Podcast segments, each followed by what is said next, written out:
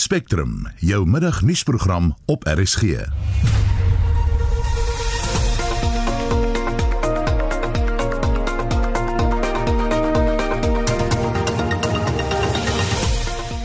die volgende uur koning Goodwill Zwelithini word by 'n gedenkdiens vereer. Daar's 'n tydelike tekort aan tomaties in Suid-Afrika.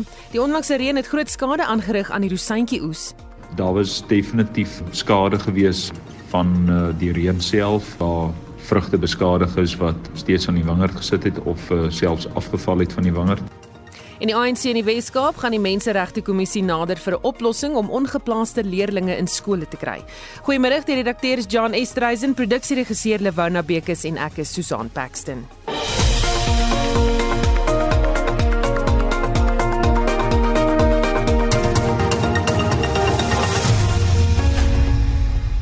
8 minute oor 1 jy luister na Spectrum. Daar's 'n tydelike tekort aan tomaties en ander groente in Suid-Afrika. Die tomatieprodusent ZC2 sê dit is weens swaar reën wat in Januarie en Februarie geval het. Ons praat nou met die bemarkingsbestuurder van ZC2, Clive Garrett. Goeiemôre Clive. Middag Susan. Hoe groot is die tekort aan tomaties? Susan, hy is baie groot op hierdie stadium. Ek dink daar's seker minder as die helfte tomaties wat gewoonlik op die markte is. En waaraan word dit toegeskryf presies? Ons soos jy vroeër gesê het, is eintlik die reën.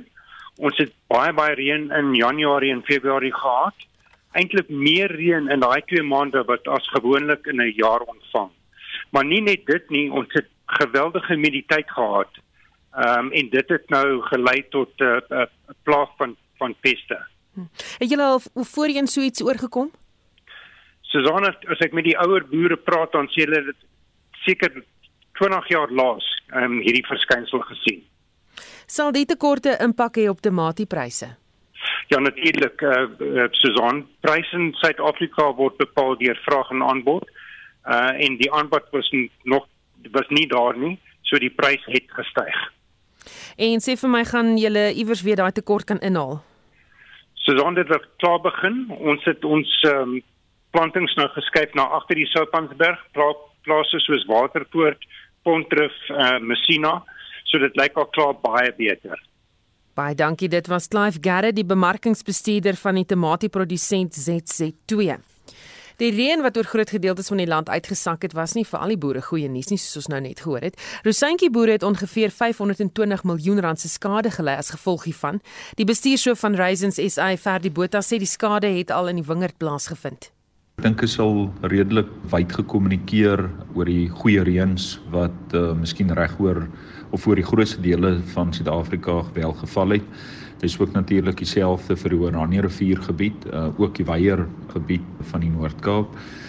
Daar was definitief skade gewees van uh, die reën self waar vrugte beskadig is wat steeds aan die wingerd gesit het of uh, selfs afgeval het van die wingerd. Op die huidige oomblik is ons skadebepaling so tussen 20-25% vir die Oranje rivier en ek dink sy ou dit vinnig omsit in 'n randwaarde dan praat ons hier van 'n geagte verlies van omtrent 550 miljoen. Botha sê oor die algemeen trek die bedryf nou effe swaar. Ek dink oor die volgende kort tot medium termyn periode is daar dalk meer rede tot kommer Ek dink dit is in die lig van 'n 30 tot 50% verlaging in rosientjiepryse internasionaal wat produsente natuurlik uh, onder druk sit. Verder daartoe, ek dink die nuutste aankondigings uh, op uh, van uh, minimum loonverhoging van meer as 16% sowel as uh, verhoogde energiekoste ook van meer as 15% en ook ander insette is daar rede tot kommer. Oor die langtermyn is ons uh, positief oor die rosientjiebedryf. Dink daar is ook verskeie inisiatiewe om uh, vraag te stimuleer uh, nie net van 'n Suid-Afrikaanse oogpunt um, deur Raisins SA nie maar ook in samewerking met ander internasionale produksiegebiede soos Kalifornië, soos Australië, Turkye, uh, Argentinië en Chili. So ek dink daar's daar's daadwerklik groot pogings om internasionale verbruik te stimuleer deur verbruikers beter in te lig oor verskeie voordele maar ek dink veral gesondheidsvoordele van droë vrugte en dan spesifiek uh, spesifiek in die geval rosientjies. Dit was die bestuurshoof van Raisins SA Ferdi Botha. Die ANC in die Wes-Kaap gaan die Menseregte Kommissie en die Openbare Beskermer nader vir 'n oplossing om ongeplaaste leerdlinge in skole te kry. Meer as 6000 leerdlinge in die provinsie is nog nie vanjaar by skole geplaas nie. Berenice Mos doen verslag. Bronwyn Smith van Delft sukkel die afgelope 2 jaar om haar dogter in 'n skool te plaas. Haar dogter het 'n intermediêre skool bygewoon wat net klas gee tot graad 9. Smith het toe via die aanlyn portaal aansoek gedoen vir plasing by 'n nuwe skool, maar het nie daarin geslaag nie. Sy het ook na skole gegaan om aansoek te doen, maar die pandemie het dit bemoeilik. Smit sê die proses was frustrerend en haar dogter se opvoeding en welstand lei daaronder wil hê hulle moenie meer e-mails vir my stuur nie of of my ignore nie. Ek wil hê hulle teene moet ek na teene na teene na tuiskool na tuiskool toe. Ek wil hê hulle moet uitreik na my toe en vir my sê ons staan nou saam, ons gaan nou iets doen vir jou, vir jou kind. Trek jou kind se skoolklere aan. Sy gaan in 'n skool tuis wat ek wil hê hulle moet doen vir my. Nie vir my nie, vir my kind. Die ANC woordvoerder oor onderwys in die provinsie, Khalid Said, sê dit is 'n skande. We would like the Human Rights Commission to investigate the reasons as to why we've got well over 6,000 unplaced learners in the province. We want an investigation into that and we want the Human Rights Commission to actually force the Western Cape government to place those learners. We've got learners in Eerste Rivier studying currently under a tree. That is the biggest indignity. SATU se provinsiale sekretaris, Jonathan Ruston, sê hulle het die kwessie verskeie kere al by die provinsiale departement van onderwys aangemeld. Dit het eh, 'n uh, impak op hulle opvoeding en ook 'n impak ons lede dat uh, leerders 'n uh, groot agterstand sal hê in terme van die kurrikulum wat afgehandel word. Die Weskaapse minister van onderwys, Debbie Schiefer, sê daar is tans 6000 leerders wat nie geplaas is nie en die helfte daarvan is laat aansoeke. Sy sê dat hulle steeds daagliks nuwe aansoeke ontvang. Our districts have done an incredible job in reducing the number of unplaced learners from 13,000 at the beginning of the year, and they will continue working to find a place for every learner. We have 19,000 extra learners in our province this year. We simply cannot afford to build, furnish, and staff 19 schools this year and every single year. Our budget continues to decrease in real terms so that the national government can support failing SOEs at the expense of our children. Ouers hoop dat die frustrerende situasie gou opgelos word. Ek is Berenice Mas in Kaapstad. Gemeet in reële terme teen 2015 pryse is groothandelssyfers van Januarie 2021 7,1% laer as in Januarie 2020. Dis volgens die jongste statistiek wat deur Statistiek Suid-Afrika bekend gemaak is. Ons praat nou met die ekonom Richard Downing daaroor. Goeiemôre Richard. Goeiemôre Susan. Hoe het die groothandelssyfers nou vertoon? Ja, nee, ek meen soos jy daar sê, jy weet 'n redelike 7% afname in Januarie is eintlik 'n bietjie onverwags aangesien 'n mens in Desember gesien het dat daar iets van 'n toename was van 1.8% soos jy sê in volume terme uh, jaar op jaar. So dit is uh, ja uh, slegter as wat verwag is en ek dink dit het baie te doen met die weer inperking wat ingestel is aan die einde van Desember en die effek daarvan op die handel en veral in terme van jou toerisme omgewing waar ons sien dit redelike negatiewe effek gehad het. So dis nie heeltemal onverwags dat 'n mens met hierdie minussyfers sien nie. Dit is egter nie 'n goeie teken vir wat voorlê dalk vir jaar nie. Ons sien die herstel is baie stadig in die ekonomie en dit lyk asof die grendeltyd of die inperkingstydperk 'n redelike negatiewe effek gehad het op uh, op jou op die op die ekonomie as sulks en ook, ook op die op die op die handelomgewing, handelsomgewing. So dit is mense net ook as mense 'n bietjie detail gaan kyk, ons kan nou nie hier in volume terme sien nie want Hulle het nie die syfers so gepubliseer nie, maar daar was redelike groot afname gewees in terme van uh van ons sien soos is byvoorbeeld uh en en en uh sekere uh brandstowwe. En ons weet die vervoer vervoersektor het redelik swaar gekry. Dan sien ons ook dat uh jou jou jou voedselsektor ook redelik gesukkel het wat ek dink baie met logistieke te doen gehad het. En dan het ons ook gesien dat uh jou jou jou, jou uh, lyk my die die uh die luxe uh, diamanthandel en ringe vir vrouens en daardie tipe nismarkte het ook 'n bietjie swaar gekry in terme van groothandel. Maar mense net onthou as jy met hierdie uh, huidige pryse werk wat hierdie syfers eintlik weerspieël en jy en jy haal die inflasie of die prysstygings uit daardie uh uh uh vir verkope uit dan sien jy eintlik dat dit redelik ernstige dalings is in volume terme en dit is wat 'n mens redelik bekommer. Hm. Dan motorhandelssyfers is ook bekend gemaak hoe sake daar gestaan.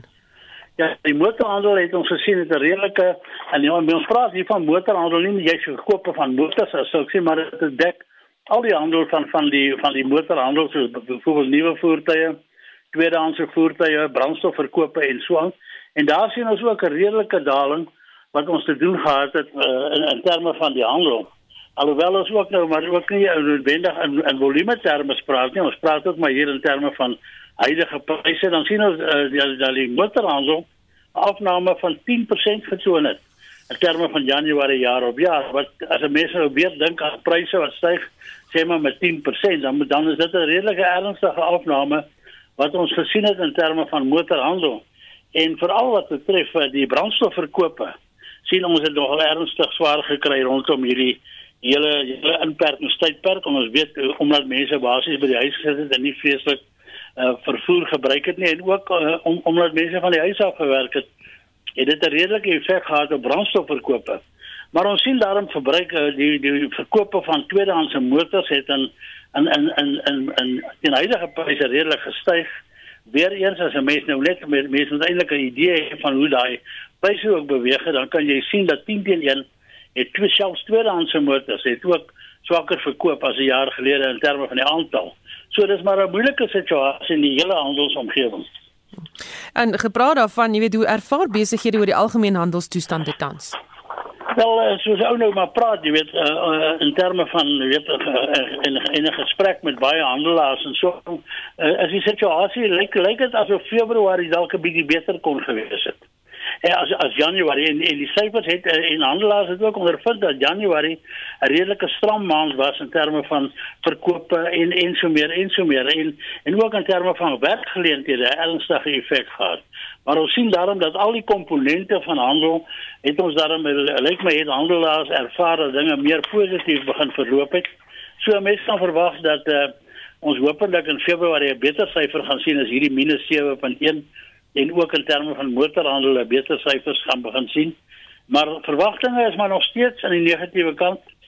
As jy mens gesels met handelaars, lyk dit nie of hulle presies donder weer verwag vorentoe nie. So dit gaan maar nog hier onder die um, onder die vlak wees wat mense eintlik 'n redelike toename gaan sien in handel.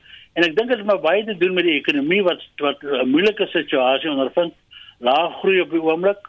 Ons sit nog altyd met 'n daling in die sake siklus. Ons sit nog altyd met resessie toestande alhoewel dit nou nie meer 'n tegniese resessie is nie, dit is nog altyd moeilik. En in terme van internasionale handel is dit maar ook nog 'n 'n stram toestande gegee dat ekonomieë soos Amerika en so meer sukkel. so 'n mens kan nie verwag dat Suid-Afrika heeltemal uitskieter jaar gaan beleef nie en ek dink ons moet hard werk om regtig die ekonomie op 'n beter vlak te kry en vir al die handel positief te beïnvloed. Baie dankie, dit was die ekonom Richard Downing. 'n Nuwe voorgestelde konsepwet wat vroue wat in tradisionele huwelike verkeer dieselfde regte gee as die wat in gewone huwelike is, word beskou as 'n deurbraak vir vroue regte in Suid-Afrika. Die wet tans gee vir vroue in tradisionele huwelike, ehm um, goed, daar gaan my rekenaarskerm dood, kom probeer weer. Die wet tans gee vir vroue in tradisionele huwelike dieselfde regstatus as gewone huwelike slegs as hulle na 1998 getroud is. Maar wat van vroue wat voor daardie tyd getroud is? Ons praat nou met 'n senior regsleier by Adams Adams Shani van Niekerk. Goeiemôre Shani. Middag Susan. Kom ons definieer eers wat is 'n tradisionele huwelik? 'n Tradisionele huwelik is 'n huwelik wat gesluit is nie in die normale loop in 'n kerk met 'n groot wit rok nie, maar eerder in terme van partye se kulturele agtergrond en gewoonlik hoe hulle labola betaal en al daai tipe van ehm um, seremonies wat hulle volg. Nou wat het die wet oorspronklik daaroor gesê?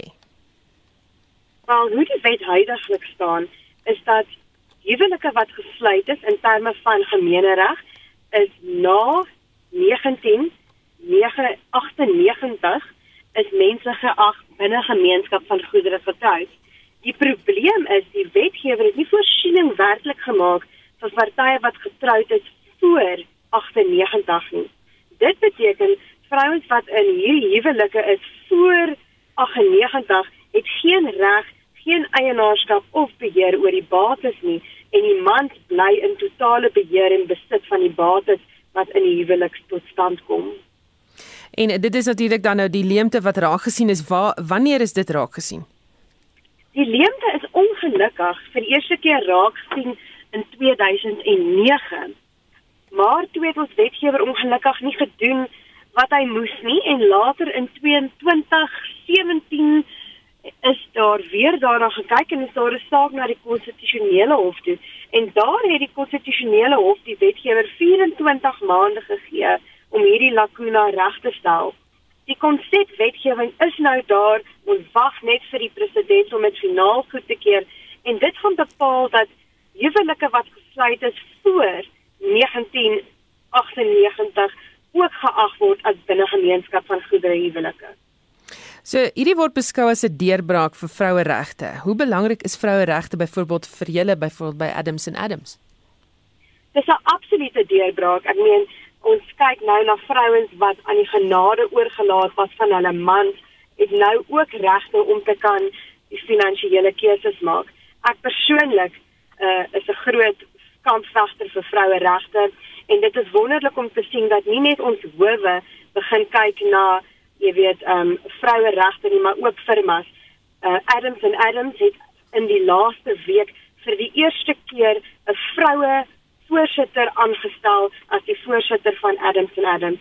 Ek dink dit is 'n absolute vooruitgang en ek is nie bewus van enige ander regsfirma wat 'n vroulike voorsitter het waarvan ons weet van sulke groot firma nie. So vroueregte is definitief ons is op pad vorentoe en dit maak iemand soos ek verskriklik opgewonde. Baie dankie, dit was 'n senior regsleier by Adams and Adams, Shani van die Kerk. Koning Goodwill Zwelithini se dood word deur president Cyril Ramaphosa met die neerval van 'n groot boom gelykgestel. Ramaphosa het 'n huldeblyk gelewer by 'n gedenkdiens vir die Zulu koning wat deur ander hoëgeplaastes soos oud-president Jacob Zuma en die Suid-Afrikaansgebore prinses Charlene van Monaco bygewoon is. We're bidding farewell to our leader, His Majesty King Goodwill Zwelithini kaBhekuzulu, isilo samabandla onke. Die president het gesê medelee het van talle leiers van die Afrika vasteland en ander wêrelddele ingestroom tot van die sekretaris-generaal van die Verenigde Nasies Antonio Guterres. Een van die aspekte waarvoor die koning onthou sal word, is sy bydrae tot politieke stabiliteit.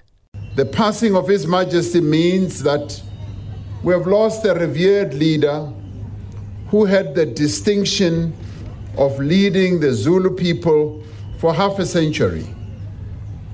The significance of his long reign and his legacy is not lost on us. History will recall that after many years of conflict and turmoil, it was in the course of His Majesty's reign that the Zulu kingdom achieved stability and harmony that had so long eluded it. Plaaslike politieke leiers het gereeld die koning se advies gevra, hy self ook, het Ramaphosa gesê. As one of the elders of our country, his advice was regularly sought by leaders of different political persuasions, including myself. I remember with fondness the long and in depth conversations I had with him on everything from rearing cattle on agriculture, on leadership, culture, including international matters. Being in his presence was a rare privilege.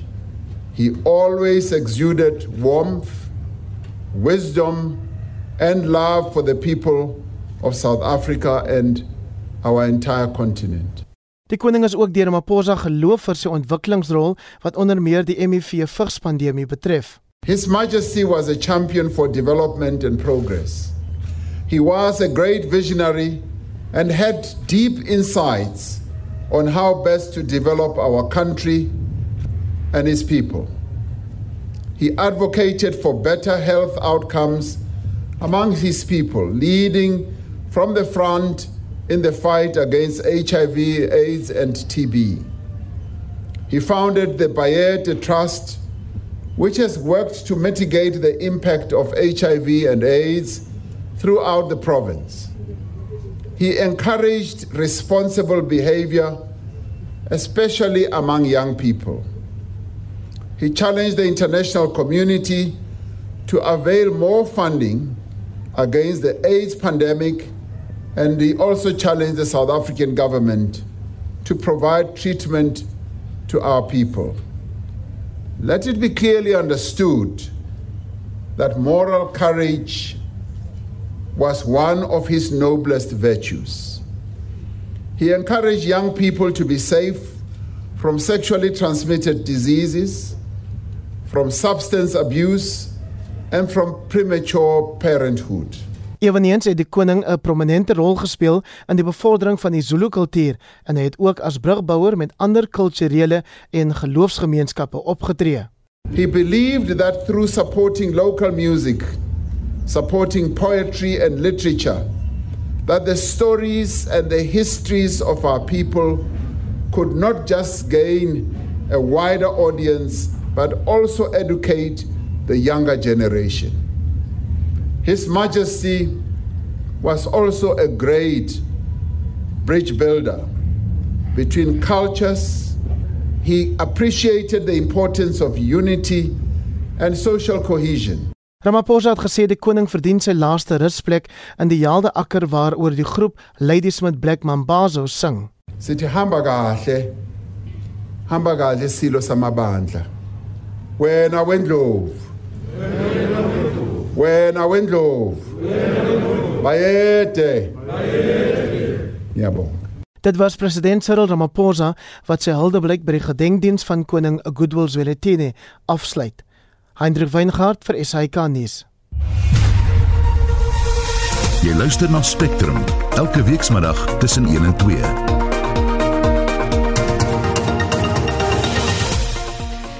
Die program die Suid-Afrikaanse Plastiekpypvervaardigersvereniging van Suider-Afrika sê bewusmaking onder die publiek is nie genoeg om watersekerheid in die land te verseker nie.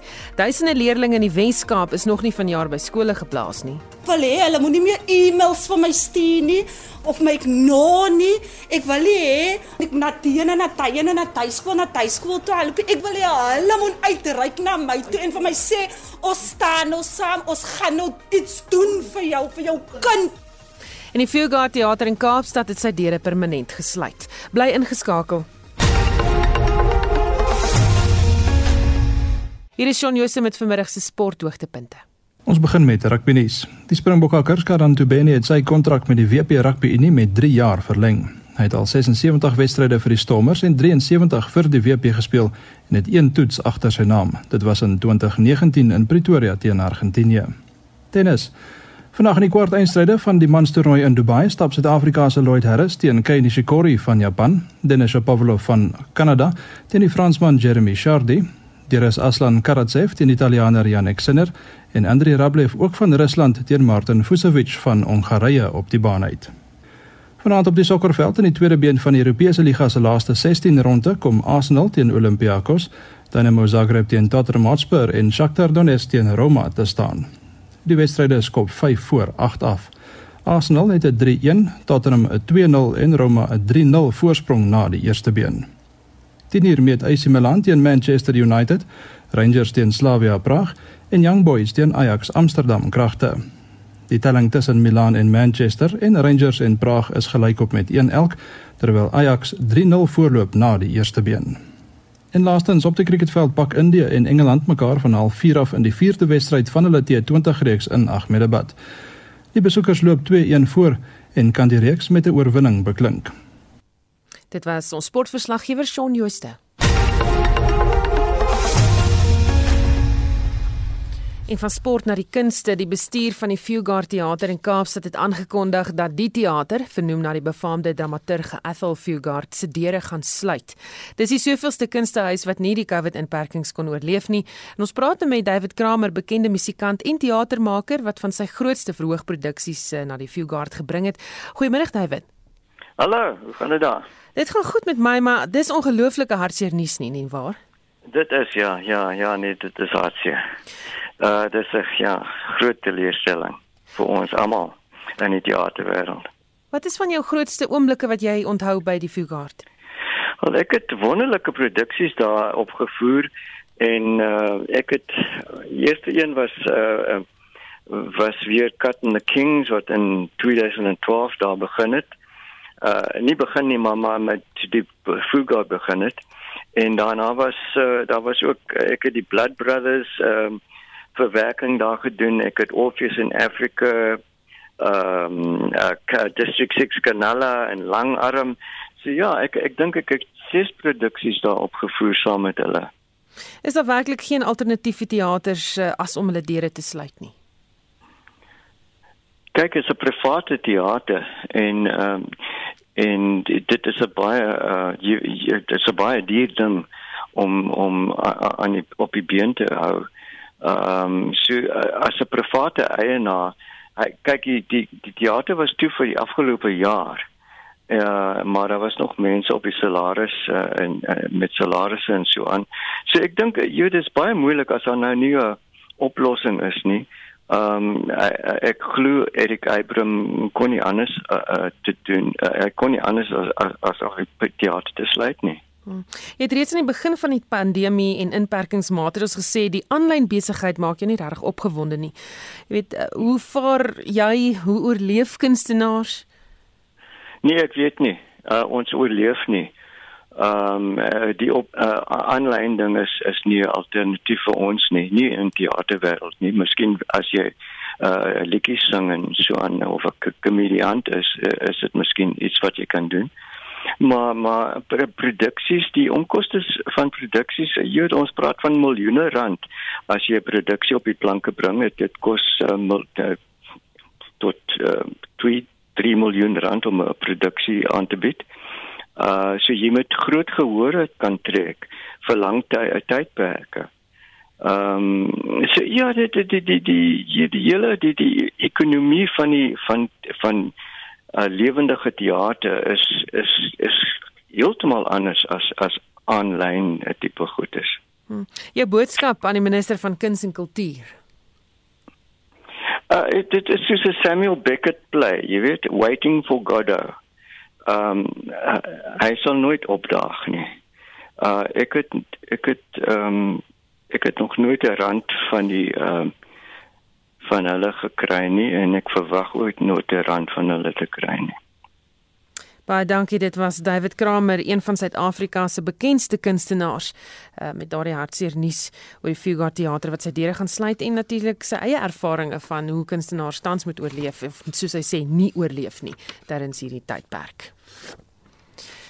Die dood van Tansanië se president John Magufuli is deur president Cyril Ramaphosa betreur. Ramaphosa het by die roudiens van koning Goodwill Zwelithini gesê hy het vroeër die oggend medelee met Magufuli se adjunk Semaya Sisulu Hassan betoon. Ons praat met die Afrika-kenner Liesel Louwoderen oor Magufuli se nalatenskap. Goeiemôre Liesel. Goeiemiddag. Hy was een van Afrika se grootste ontkenners van die koronavirus, was hy nie? Ja, absoluut. Dit is regtig baie ironies eintlik dat hy nou omgekom het van COVID-19. Die regering erken dit nie, maar ehm um, ek meen volgens klomp bronne was hy is, is was dit die rede van sy dood. Ehm um, en dat hy eintlik al 'n uh, paar dae gelede ehm um, uh, jy weet omgekom het van COVID-19 en dat hulle dit nou eers bekend maak.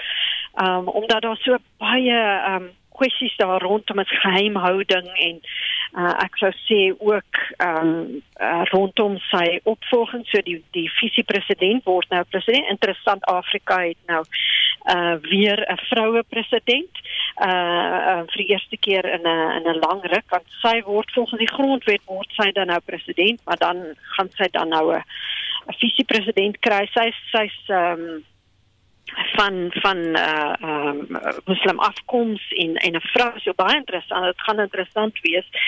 Um wat hierdie afsterwe van my bevrou ook beteken vir Oos-Afrika is dat um de hopelik gaan uh, Tanzanië se uh, ontkenning van COVID-19 nou beëindig word want dit was 'n groot kwessie en groot kommer in die streek Kenia, Zambië en so aan het hulle grense gesluit met Tansanië omdat hier was 'n land wat hoegenaamd geen inentings eers bestel het nie wat geen inperkings gehad het nie waarvan ons glad nie geweet het wat die syfers was nie. So ehm um, ek meen soos ek sê dis nou hartseer hy het nou afgesterf maar ehm um, dit gaan nou hopelik 'n nuwe era inlei waar uh, Tanzanië wel uh, soos die res van die internasionale gemeenskap stappe sal neem teen uh, COVID-19 Hmm. Dit was 'n baie omstrede kwessie in 'n tydperk hmm. want oppositiepartye weet ek het ek dink vroeër hierdie week of laasweek gevra dat hulle hom wil sien. Hulle het hom lanklaas gesien in die openbaar en uh, daar was gerugte dat hy nie meer in die land is nie en behandel word iewers anders. So dit was nog 'n omstrede hmm. kwessie. Absoluut, daar was groot geheimhouding. Ag, daar is maar geheimhouding rondom ehm um, wanneer ehm um, staatshoofde siek is of of afgesterf het. Mense sal onthou destyds die president van Malawi, ehm um, Mutharika was ons op 'n vliegtuig Suid-Afrika toe en toe kom dit ag uit hy is alreeds uh uit alreeds gesterf en so voort. So dieselfde nou met uh ehm um, uh, Tanzanië dat daar baie gerugte was dat hy in Kenia is of dat hy Indië toe gestuur is. Nou um, blyk dit hy was wel wel die amptelike aankondiging is dat hy wel in 'n hospitaal in Dar es Salaam dood is, maar onder groot geheimhouding, um, dat daar dokters uit uh Indië uh, blykbaar uh, gevlieg is, ingevlieg is na Dar es Salaam. Maar ehm um, jy weet in in soos ek sê die opvolgstryd, daar's ook etniese kwessies rondom wie om uh, jy weet uh, wie wie die eerste minister dan gaan word en die visiepresident en so die die mense rondom hom het eers ehm um,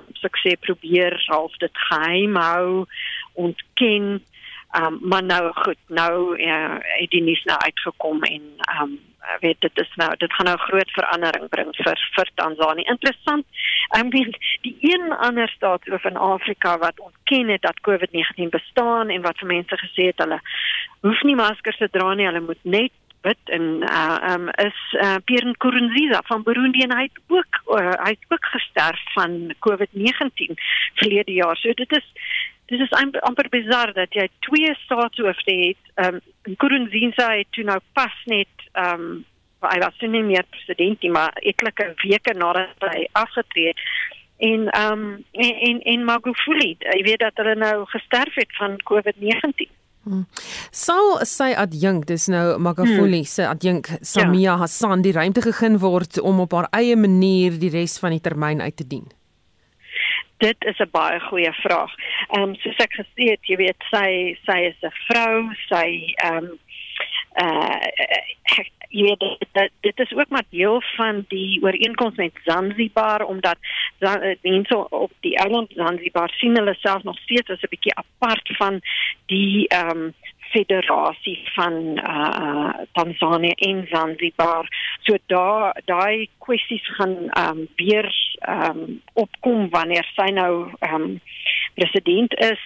Ehm um, en en hy's pas weer verkies in Oktober verlede jaar. So daar's letterlik nog 4 jaar wat sy president gaan wees en ehm um, ek kan nou maar net indink dat uh, in ehm um, die kringe van die CCM die regerende party is daar nou baie groot woelinge omdat hulle uh, natuurlik voel jy weet daar moet iemand van hulle eie etniese groep of ek meen die CCM het verskillende groepe maar ek weet die die um, Magufuli se se um, kan ek sê die mense rondom hom wil nou natuurlik die beheer hou van van hulle belangrike plekke en ook die ekonomie ehm um, waar waar hulle soort van hou vasgekry het. So dit gaan definitief nie maklik wees vir haar nie. Baie dankie. Dit was Liesel Lou Wodre na Afrika Kenner verbonde aan die Instituut vir Sekuriteitsstudies. Dit is nasionale waterweek en die doel van die week is om die publiek op te voed oor hulle verantwoordelikheid ten opsigte van waterbesparing. Die Suider-Afrika Plastiekpypvervaardigersvereniging, SAPMA sê, 'n bewusmakingsveld tog is nie genoeg om watersekerheid in die land te verseker nie. Volgens die nasionale water en sanitasie meesterplan wat in 2018 bekend gemaak is, werk 56% van rioolwerke en 44% van watersuiweringsfasiliteite nie behoorlik of glad nie. As gevolg van die besoedeling is slegs 47% van ons drinkwater skoon en van goeie gehalte.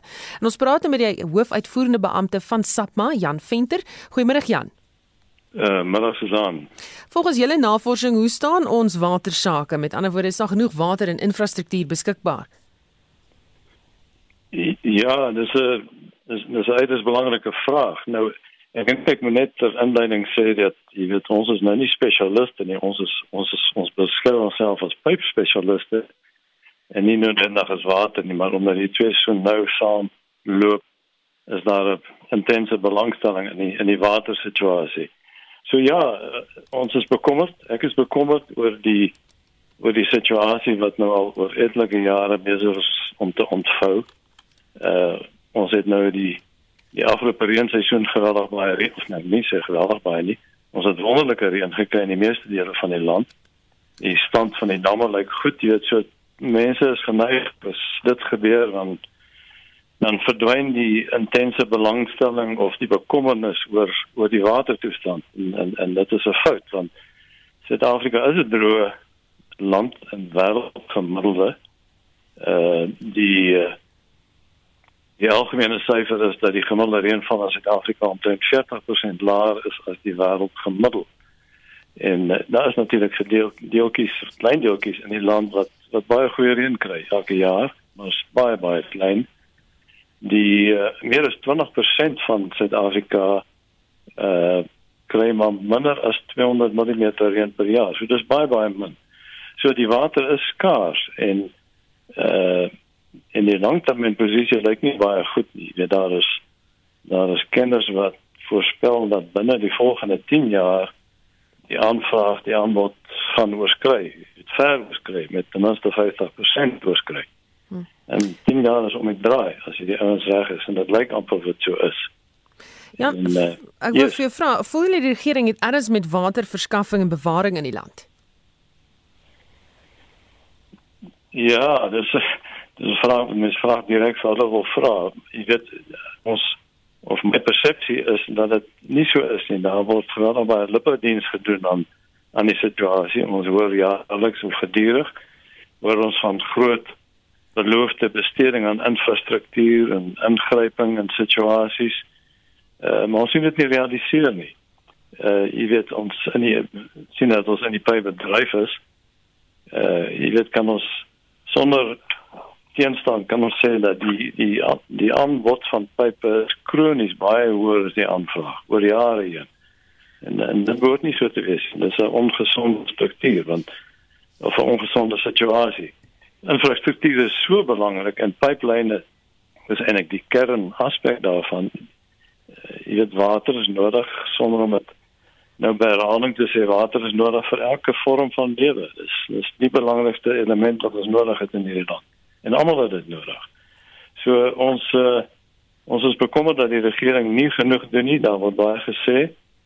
Maar jy weet ons voel daar moet baie baie sterker ingryping wees eerstens in die in die bestuur van van waterbehandelingsaanlegte eh uh, munisipale eh uh, aanlegte. Waterbehandeling is ook rioolbehandeling. En dan moet ingegryp word in die in die besoedeling van ons waterbronne strome en riviere. En die derde een is die is die eh uh, die vlei lande van die land wat kritiek belangrik is want dit is die dit is die natuurlike waterfilter van van die omgewing is is 'n vlei land en en daar word bereken of be, beraam of uh, geskat dat meer as 50% van Suid-Afrika se vlei lande is verwoes. Dit kan nie meer hulle kan nie meer funksioneer nie deur water te suiwer nie. So daar's geweldige ingryping nodig. Jy weet en die die trafiek van die saak is daar is daar is talle professionele organisasies in die land wat wat die kundigheid het om om insette te lewer. Uh ons mening is of miskien is dit my privaat mening dat die regering te veel politiek speel in hierdie geval. En weet uh, ons ander mening is dat hulle met politiek uit hierdie infrastruktuur heeltemal uithaal. Dit is te belangrik om om om om om daarmee om te gaan. Uh, daar moet op 'n baie nugter en uh, dringende manier in ingryping wees om die langtermyn krisisse wat dalk gaan kom uh die hoofde weet nou al. Baie dankie, dit was die hoofuitvoerende beampte van SAPMA Jan Venter. Die filmmaker Enver Samuel se belangstelling was onmiddellik geprikkel toe hy die eerste keer die naam van Dulcie September gehoor het. Sy was 'n Kaapse aktivis wat in Maart 1988 in die Franse hoofstad Parys in 'n sluipmoordaanval dood is. Nou het hy 'n dokumentêre rolprent oor haar gemaak en vir Hendrik Weingart daarvan vertel. She was jailed for treason against the apartheid state. Banned, she chose exile on a one-way exit permit. She was the heartbeat of the ANC in Paris. If she'd stumbled on something specific, something real, I think she would be regarded as dangerous enough to be stopped. In many ways, I think Dulcie September wasn't only murdered, but there was an attempt to almost erase her existence. Hierdie klankgreep is die snelskrif weergawe van die Dulcie September verhaal. Samuel skets haar lewe voordat sy saam met onder andere die ontslape taalkundige Dr Neville Alexander vir hoogverraad opgesluit was en uiteindelik landheid is. September was a school teacher from Athlone. She she was involved in activities that were construed as being against the state, against the apartheid state. She was then uh, arrested and together with her colleagues with, with people such as Neville Alexander, Betty van der Heyden, Marcus Solomon. They were tried and they were tried for sabotage and treason. And um, the woman ended up getting a five year sentence and being sent to prison. The men went to Robben Island for 10 years. And she then served a sentence, got released, then served promptly with a banning order, which meant that she was basically a prisoner in her own home. Hy vertel wat hom aangespoor het om die film te maak. The driving factors for me in telling the story of Dulcie September is that she's unknown relatively. She's unknown. We don't know the name. A lot of people, when you say the name Dulcie September, they say Dulcie who? She's been erased. And this documentary, together with her family, is an attempt to unerase Dulcie September's name. Navorsing vir die rolprent het hom tot in Europa geneem, maar sy vertrekpunt was die argiewe van die Fort Hare Universiteit in die Oos-Kaap. Die storie word grootliks vertel deur die oë van die Nederlandse ondersoekende joernalis Evelyn Groening. Sy is die skrywer van die boek Incorruptible oor die dood van September, Anton Lubowski en Chris Hani. 'n Groot oomblik vir Samuel was toe hy onverwags toegang verkry het tot beeldmateriaal van September. So during my research, I stumbled upon Dulcie's correspondence, Dulcie's handwriting, photos of Dulcie, newspaper articles of Dulcie. I had, I had yet not seen Dulcie being interviewed, Dulcie speaking back, and a guy that I call the horse whisperer of archives called me to say I must come to his office, and he played a clip of Darcy being interviewed in Lusaka when she when she was there with the ANC. It was a wow moment for me because I now suddenly heard Darcy speaking back. You could pick up the nuances of her accent, of her delivery, of the type of person she was because she was actually speaking back to me. So the documentary has a lot of footage that I unearthed of Darcy September speaking back to the audience basically and you get a you get a really good feel of who she was. I'm Dulcie September, the chief representative of the African National Congress in France. Dit was vir Samuel belangrik dat die film deur die SAK uitgesaai moes word sodat soveel as moontlik mense dit kon sien. The, the aim is to make as many people watch this documentary so you can say her name, Dulcie September. Dit was die filmmaker Enver Samuel wie se dokumentêre rolprent oor die struggle ikoon Dulcie September getiteld Murder in Paris in twee afleweringe komende Sondag en volgende Sondag om 08:30 op SABC 3 uitgesaai word. Hendrik Weingart vir SAK nuus. Die voormalige finansiële hoof van Eskom, Anoy Singh, het weer vandag vir die staatskapingskommissie getuig. Singh het ook verlede week vir die kommissie getuig, maar dit was in sy hoedanigheid as die voormalige finansiële hoof van Transnet. Esie de Klerk doen verslag. Singh het verlede week getuig oor sy rol by Transnet en sy verhouding met die Guptas en die Gupta sakevernoot Salim Essa.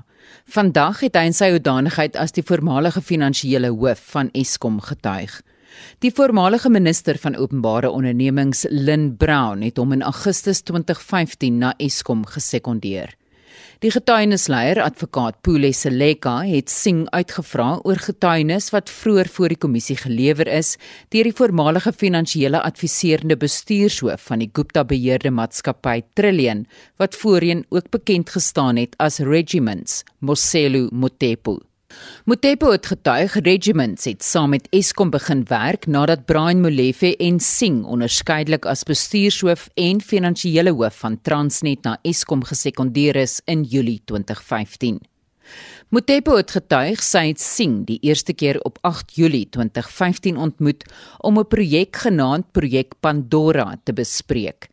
Die konsultasiefirma McKinsey en Regiments het sien gehelp om 'n plan te beraam vir Eskom se finansiële posisie en Mtepo het getuig sy die indruk gekry die McKinsey en Regiments personeel het al voorheen met Singh ontmoet. You recall how many such meetings took place before you were actually seconded to Eskom? I think Mr. Seleka mentioned three dates. Yes. I would then hazard to say that that would be an indication. Yes, yes, but you have no independent recollection. No. Yes. But I don't. It's not. It's not ten, sir. Yes, not It- ten. or twenty for that matter.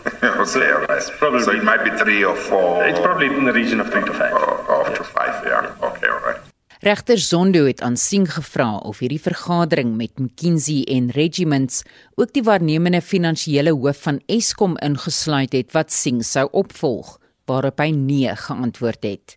I would have thought that if the idea was that you needed to be brief about matters that you will have to deal with once you were seconded, I would have thought that the presence of the then current acting CFO of ESCOM would be important. Mr. Chair, the meetings were called at the instance of McKinsey. I actually didn't consider that at the time. I mm-hmm. think the first time that I consider it is now Mm, that you mentioned. I guess we'll have to ask McKinsey why they didn't take it necessary at the time. But it's not just McKinsey, it's also you. Hmm? If you were called by a service provider or potential service provider to ESCOM to a meeting to discuss ESCOM matter at a time when you were not part of ESCOM, but on the understanding that you possibly would be seconded to ESCOM, I would have thought that you would insist that the person who was occupying the position that you, were, you would be occupying should be there. As uh, the purpose of the session, as described, were onboarding sessions. To the extent that the sessions were, as we discussed, for onboarding, it was really McKinsey's view of the world in terms of what they believed that needed to be done and where they believed the, let's call it, pain points in ESCOM existed at the time. And that was really just to provide information about the environment that I was going into. When I eventually got there, I then got also my direct reports to basically brief me on what the exact state of each of the environments was. And that provided me a better insight into the exact state of the organization vis-a-vis what, let's say, the health check that McKinsey had presented vis-a-vis the actual state that my direct reports would effectively give me at that time.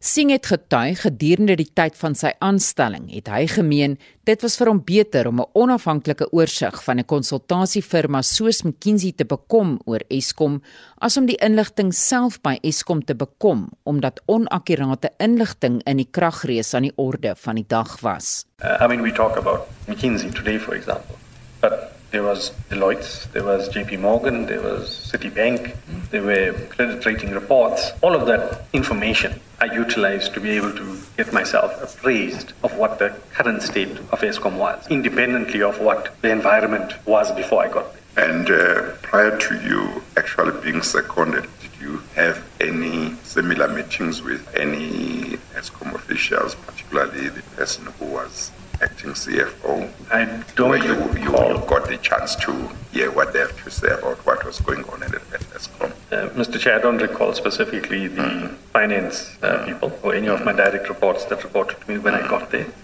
But I certainly remember interacting with Mr. Freddie Indol, and he was the either divisional executive or general manager in the office of the CEO for relevant information and stuff like that. Hy het as 'n voorbeeld die likwiditeitskrisis gebruik waarin Eskom homself bevind het. If you go to ESCOM and ask them, why were you in this position? You're going to get 300 different reasons as to why they were in that position. And they, some of them might be legitimate, some of them might not be legitimate. Yet, if you ask an independent person from the outside, why did ESCOM have a liquidity crisis? You get a very crisp, concise answer that may or may not be biased. And then again, it's up to you to decide whether it's so or not so. And in this case, Mr. Chair, if you then go to trying to understand why that was the case, it goes back to the funding plan that was prepared. The funding plan that was prepared for that year, which supported a, I think it was a 200 or 300 borrowing billion rand borrowing program, was all of two pages. That was the type of environment that was there at the time. So, in order for us to get to that answer, for example, within the ESCOM environment at the time, would have taken a month of Sundays to get. Having had input from the McKinseys of the world or the Citibanks of the world or the JP Morgans of the world, you very quickly get to that answer. And it's not on the basis that you accept that answer completely. It's on the basis that it, it is a very quick answer to understand why there was a problem, to get to a root cause. Mr. Singh, are you saying during these meetings there was nobody from ESCOM who attended this meeting? Not that I recall, sir. Regter Zondo het bly hamer op die feit dat 'n vraagteken steeds bly hang. Hoekom sien nie eerder die waarnemende finansiële hoof van Eskom sou vra oor wat die situasie by die kragrees was, eerder as om 'n buitestander te nader nie. Sien se getuienis duur voort. Ek is Estie de Klerk vir SAK nuus. Onthou vorige uitsendings van Spectrum is beskikbaar op Potgooi gaan net na RSG se webblad dis www.rsg.co.za. Ons groet namens ons waarnemende uitvoerende regisseur Wessel Pretorius, die redakteur John Estreisen en produksieregisseur Lewona Bekes. Ons medewerkers was Essie de Klerk en Heinrich Weingart. Ek is Susan Paxton. Geniet jou middag uh, in die geselskap van RSG.